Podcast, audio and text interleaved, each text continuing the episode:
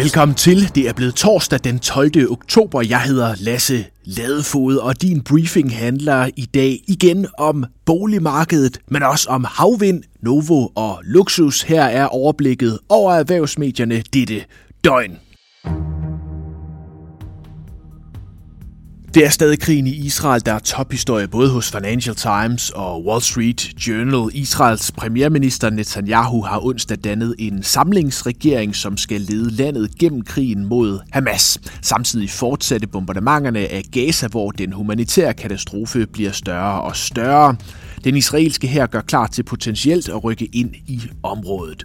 Samtidig stiger dødstallet fortsat efter weekendens greb, øh, angreb fra Hamas. Til dagens forsider på forsiden af Berlingske kan man blandt andet læse om den såkaldte top-topskat, som regeringen foreslår på indkomster over 2,5 millioner kroner om året. Top-topskatten skal indbringe 700 millioner kroner årligt til statskassen, men det kan man langt fra regne med at få ind, så lyder det nu også fra en af de vigtigste stemmer i den økonomiske debat, overvismand Karl Johan Dalgaard. Han kalder top-top-skatten et eksperiment og henviser til, at mange med de højeste indkomster via forskellige revisionsmetoder vil kunne undgå skatten. Han siger, at man må nok påregne, at provenyet bliver mere begrænset, end man forventer.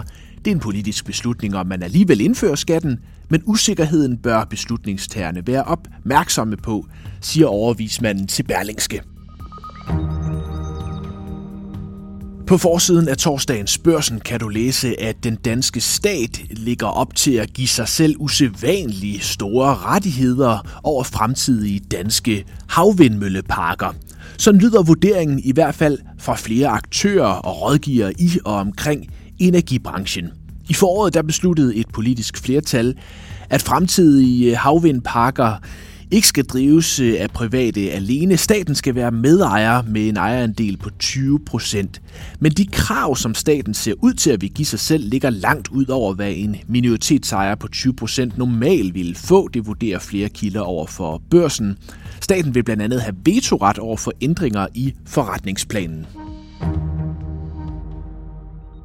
Det er svært at lave en morgenbriefing for tiden uden en historie om fejl i de nye ejendomsvurderinger. Og der er endda flere fejl i de forløbige vurderinger, end skattevæsenet selv havde regnet med. Det skriver DR. I 3.000 vurderinger, hvor grunden er mere værd end hele boligen, har datagrundlaget således været forkert. Samlet er der ca. 80.000 ejendomme, som har fået en højere grundværdi end hele ejendommen, det skriver DR. Paul øh, Tonqvist, han er direktør i Vurderingsstyrelsen, siger, jeg anerkender selvfølgelig, at der er en del af de forløbige vurderinger, som er meget skæve. Det skal vi have rettet op på. Fejlandelen har været lidt større, end jeg havde forventet. Det må jeg medgive, siger Vurderingsstyrelsens direktør til DR. Og vi bliver på boligmarkedet. I børsen i dag kan du også læse, at afdragsfriheden er på tilbagetog i Danmark. De stigende renter gør de engang så populære afdragsfri lån markant dyrere, og det får efterspørgselen til at dykke. Tusindvis af boligejere med afdragsfri lån og variabel rente står til en stor stigning i deres ydelse, når der er refinansiering her til november. Det gør dem med afdrag også, men øh, her vil man ofte sænke afdraget, så den samlede ydelse ikke stiger så meget. Det kan man jo ikke med afdragsfrihed. Som eksempel så vil et øh, F5-lån på 2 millioner kroner uden afdrag stige i ydelse fra ca. 2.000 kroner til øh, godt 6.200 kroner om måneden.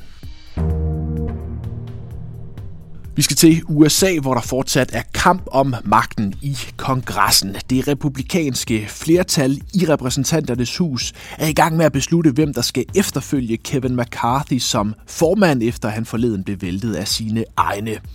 Onsdag der nominerede man så øh, Steve Scalise. Et meget snævert flertal blandt republikanerne nominerede øh, ham, og han skal nu øh, samle opbakning for samlede 217 kongresmedlemmer, hvis han vil have posten. Det kan blive svært, vurderer flere kilder over for amerikanske medier.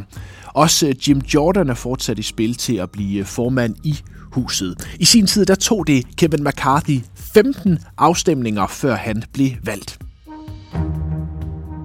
Vi skal et smut forbi Wall Street, hvor det tyske sandalklenodie Birkenstock onsdag havde sin debut på New York Stock Exchange.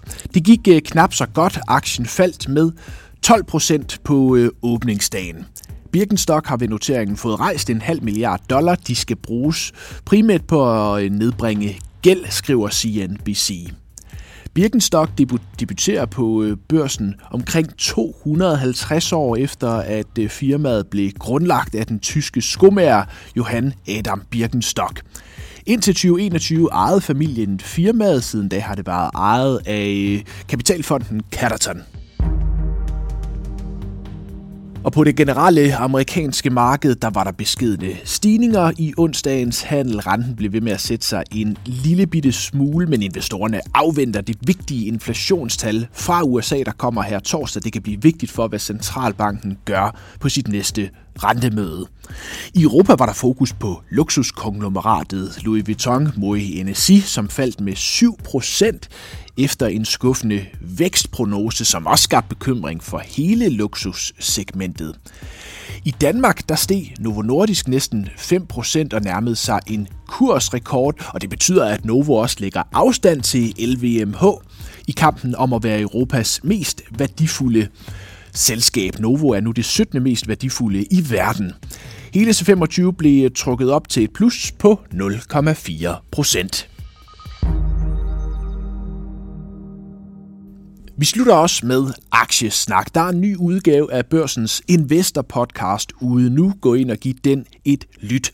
Her falder snakken selvfølgelig også på Novo Nordisk, men også på Pandora og så på DSV. Her åbnede øh, topchef Jens Bjørn Andersen for nylig for, at man igen vil lave et øh, stort opkøb, som man har gjort så mange gange før i DSV. Det bliver også øh, vendt i podcasten.